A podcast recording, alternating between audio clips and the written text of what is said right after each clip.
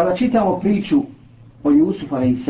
u Koranu i njegovom iskušenju i njegovoj postojanosti, mi u isto vrijeme predočavamo sebi tu sliku i sve povode zavođenja i izazove koji su bili u potpunosti ispunjeni i koji su išli na ruku ljudskoj strasti.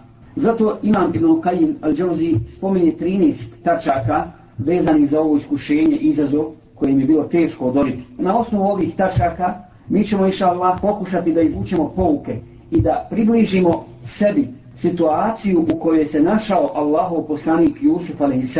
I na taj način ćemo vidjeti i sagledati zaista koliko je veliko bilo to iskušenje pred kojim je bio Jusuf a.s. Ibn Qayyim spominje te tačke i nabraja ih sljedećim redom. Prvi izazov koji je išao na ruku strasti svakog čovjeka normalno pa i Jusuf a.s. jeste prirodni uzrok kako kaže Ibn Qayyim. Šta to znači? To znači dakle da svaki muškarac osjeća naklonost prema ženi, odnosno prema ženama. Allah Đelešanuhu je taj nagon ugradio u svakog čovjeka. Osim ako čovjek nema neke nedostatke, ako nije hendikepiran s te strane, ako nije bolestan. Dakle, svaki insan, svaki muškarac osjeća tu naklonost prema ženi. To je bio prvi povod i razlog da se počini grije. Zatim, drugi razlog jeste njegova mladost njegova mladost, a poznato je da strast kod mladića je puno jača od strasti kod starijeg čovjeka. Pa prema tome i njegova moć da sputa strast kada se ona razbukta je daleko slabija. Tako kaže uzvišeni, govoreći o Jusuf a.s. A'udhu billahi mine šeitanu rađim, bismillahirrahmanirrahim, falemna belaga ašuddahu, atejna hukma wa ilma. I nakon što je on dostigao punoljetnost, mi smo mu dali mudrost i znanje. O kedalike nefzil muhsinim, mi tako nagrađujemo dobročinitelje. O rao rehul leti huva fi bejtiha an nafsihi, o gallakatil abuaba o kalat hejtele. I počela ga je zavoditi, ona u čioj on kući bio, zaključala je vrata i rekla je, priđi, ili hajde. Dakle, ovdje nam Allah Đelešanu govori o njegovoj mladosti. I islamski učenjaci se slažu da Jusuf a.s tada u tom trenutku nije imao, ako je imao više od 20 godina, nije imao puno više od 20 godina, a također ni manje puno od 20 godina.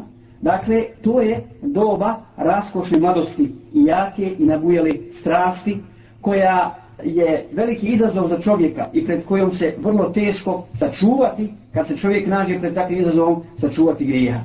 Dakle, to je bio drugi razlog ili izazov ili povod zbog kojeg bi čovjek upao u takav grij. Zatim treća stvar, Kaže Ibn Kajim, Jusuf a.s. je bio neoženjen.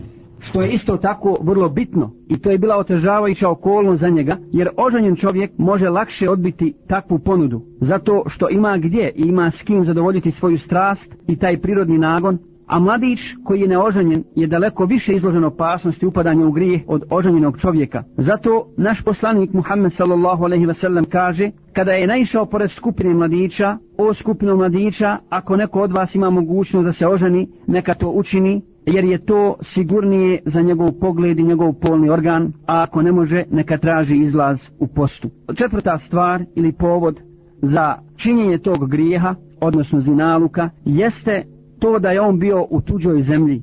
Zbog čega je ova stvar vrlo bitna? Zbog toga što čovjek koji mlad ode iz svog mjesta, boravka, odvoji se od svojih roditelja, od svog komšiluka, a lakše upada u grijeh i lakše se prepušta zovu strasti. One ga zovu da se oslobodi okova kojima je bio pritisnut u svom mjestu, dakle u svom komšiluku, u svojoj familiji, u svojoj ulici, u svom gradu ili selu i teže je sigurno, a mi to svi znamo, teže se upušta u takav gri. Međutim, kad se insan oslobodi toga, kad ode u drugi grad ili u drugu državu gdje je on potpuno nepoznat, nema tih okova i tih stega i onda čovjek lakše u takvom stanju se usudi da učini takav gri na koji ga poziva njegova strast. Zatim, peta stvar jeste to da je ona bila ugledna i lijepa. Zato da je bila ugledna, jasna je stvar jer je bila žena jednog vladara ili kako bi u današnjoj terminologiji mogli kazati žena namjesnika odnosno ministra financija. A za ljepotu je također poznato da vladari ne žene osim lijepe žene, makar oni bili i stari. Šesta osobina, odnosno šesti povod jeste da se ona sama nije branila niti ustezala. Ovo je bitno zbog toga što čovjeka često puta odbija i sprečava da učini grijeh, da učini zinaluk, to što ga žena odbija, što ona neće. Zatim, sedma stvar, ona je sama tražila da Jusuf a.s. počini sa njom ovo ružno djelo, odnosno da sa njom počini zinaluk. I ne samo to, nego je uložila maksimum truda i želje i volje da to on sa njom učini i zbog toga je bila ponižena, a to također često biva razlog da se ne upadne u ovaj grijeh kod muškaraca jer je to poniženje zbog samog traženja. I ne samo to, nego je ova žena zaprijetila Jusuf a.s. kaznom ako to sa njom ne učini. Danas kada bi realno razmišljali o ovoj situaciji, ako bi se čovjek našao u takvoj situaciji, ako bi ga ispriječile ove ostale stvari, ova stvar bi možda bila povod da učini grijeh, to je sprijetnja kaznom jer čovjek bi razmišljao i kazao bolje da to učinim, možda je to lakše nego da budem nevin osuđen, odnosno kažnjen. Zatim, osma stvar, on je bio u njenoj kući i njenoj vlasti, kaže Ibn Kajim. Što je ovo bitno? Pogledajte koliko je Ibn Kajim nabrojao stvari koje su išle u prilog strasti, odnosno u prilog tome da se udovolji njenom traženju. Tako da se Jusuf a.s. opravdano bojao ako ne izvrši to što ona od njega traži da će biti kažnjen. Jer na kraju krajeva on je bio njen sluga i normalno je da je tada izvršavao poslušno sve ono što bi mu ona naredi. Međutim, ovaj put je on to, on to odbio. Zatim, deveta stvar. Jusuf a.s. se nije bojao sramote ako bi počinio taj grijeh. Zbog čega? Zato što je žena bila ta koja ga je navodila na grijeh i sigurno je da je on to ne ono do Allah učinio sa njom, ona to nikome, nikome ne bi otkrila. Zatim, deseta stvar, on je bio blizak njoj. Ovo je bitno zbog toga što čovjek kad se zbliži s jednom ženom, znači on kao njen sluga ju je viđao svaki dan i ulazio je njoj i u vremenu i u stanju u kojem je niko drugi osim muža nije mogao vidjeti u odjeći kada bi se raskomoti, kada bi budi sama u svojoj sobi, on bi joj ulazi i donosi ono što bi ona od njega tražila. To još više povećava bliskost i sigurno, ako je žena lijepa, raspiruje strast kod muškarca. 11. stvar ili 11. povod koji spominje Ibn Lokajim jeste taj da se ova žena, odnosno žena ovog namjesnika ili vladara, poslužila spletkom drugih žena. Allah Đalešanu u suri Jusuf govori i kaže A'udhu billahi mine šeitanir rajim, bismillahirrahmanirrahim Wa kala nisfetum fil medinati imraatu l'azizi turavidu fataha an nafsihi Kad šagafaha hubba inna lanaraha fi dalalim mubin I žene su u gradu govorile Zaista namjesnikova žena pokušava da zavede svoga slugu, odnosno svoga mladića Ona je se u njega žestoko zaljubila i mi vidimo da je ona u očitoj zabludi. Dakle, žene su čule za to njeno zavrođenje i onda su počele, onako kako je to njima svojstveno, počele da prepričavaju i da prenose to jedna drugoj kako se vladareva, odnosno namjesnikova žena, zaljubila u Jusuf a.s. Kad je ova to čula, onda im je napravila zamku kako bi ih ubijedila u ispravnost onoga što je ona tražila od Jusuf a.s.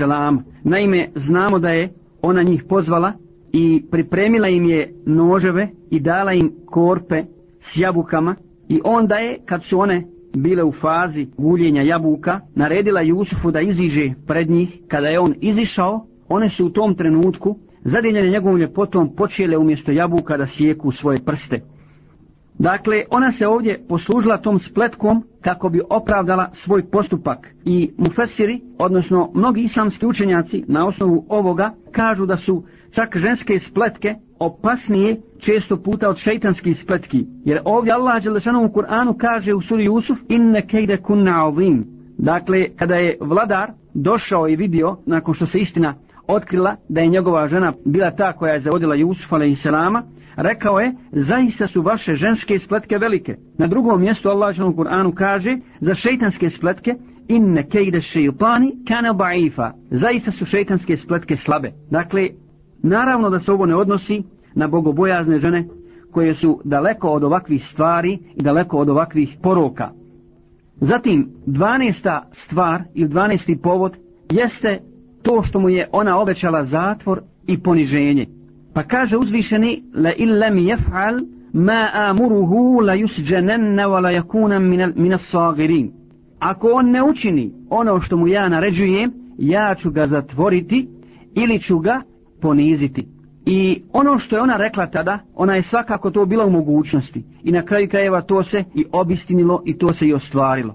13. tačka jeste ta da joj muž uopšte nije bio ljubomoran. I braće i sestre, kod ove tačke ćemo se posebno zadržati. Šta to znači da je muž nije bio ljubomoran? Prije nego što to objasnimo, trebamo konstatovati i kazati da je ljubomora svojstvo vjernika i vjernici. I Muhammed sallallahu aleyhi ve sellem u jednom svom hadisu kaže da u džennet neće ući da jus. A da jus znači čovjek koji nije ljubomoran prema ponašanju svoje žene, prema onome kako se ona ponaša, s kim izlazi, s kim se druži, šta radi, ako nije ljubomoran prema svojoj kćerki, prema svojoj sestri i tako dalje.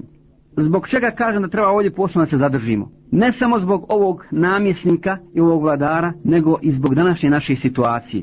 I ako pratite u avazu rubriku gdje se spomenju najpoznatije ličnosti i postavljaju im se raznorazna pitanja, jedno od pitanja redovno jeste i da li ste ljubomorni vidjet ćete da većina tih ljudi, bili oni doktori, ili profesori, ili sportisti, ili pjevači, da većina na ovo pitanje odgovara sa ne. Dakle, nema ljubomore kod ljudi, izgubila se ta osobina, a kako se odrazilo ovo i kako objasniti da ovaj vladar nije bio ljubomoran. Allah nam govori o tom u Kur'anu, u priči o Jusuf a.s.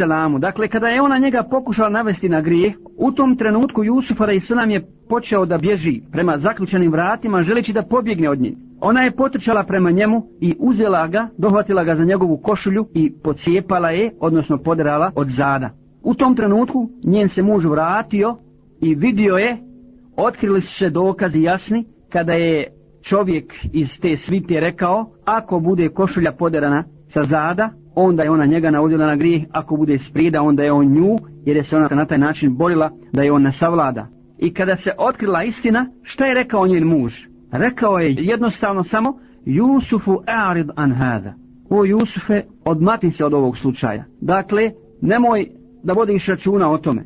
A svojoj ženi, koju je vidio u očitom grijehu, pogledajte dokle ide taj džahilijet, i taj nemoral kod ljudi, da uopšte ne osjeća ljubomoru prema grijehu koji je počinila njegova žena, a on uopšte ne zna šta je ona učinila. Je li učinila zinalog ili nije učinila zinalog? I samo joj je rekao, istagfir li zembik inneki kunti minel hapiim. A ti traži oprosta za svoj grijeh, zaista si ti učinila grijeh. Dakle, sasvim hladnokrvno joj govori i kaže, idi, nosi se, traži oprosta za svoj grije, jer zaista si počinila grije. Bez ikakve ljubomore, bez ikakve griže savjesti, bez ikakve kazne, bez ikakvog ispitivanja, kao što je danas slučaj sa mnogim ljudima, odnosno mnogim ženama. Zato su mnogi brakovi potpuno uništeni i mnoge porodice su postale gubilišta, a ne porodice u kojima se odgajaju buduće generacije, odnosno omladina koja treba da ponese teret u društvu. I četvrtu osobinu ovdje mogli spomenuti, odnosno povod, jeste to da je Jusuf a.s. živio u društvu u kojem je ovaj grijeh bio lahka stvar,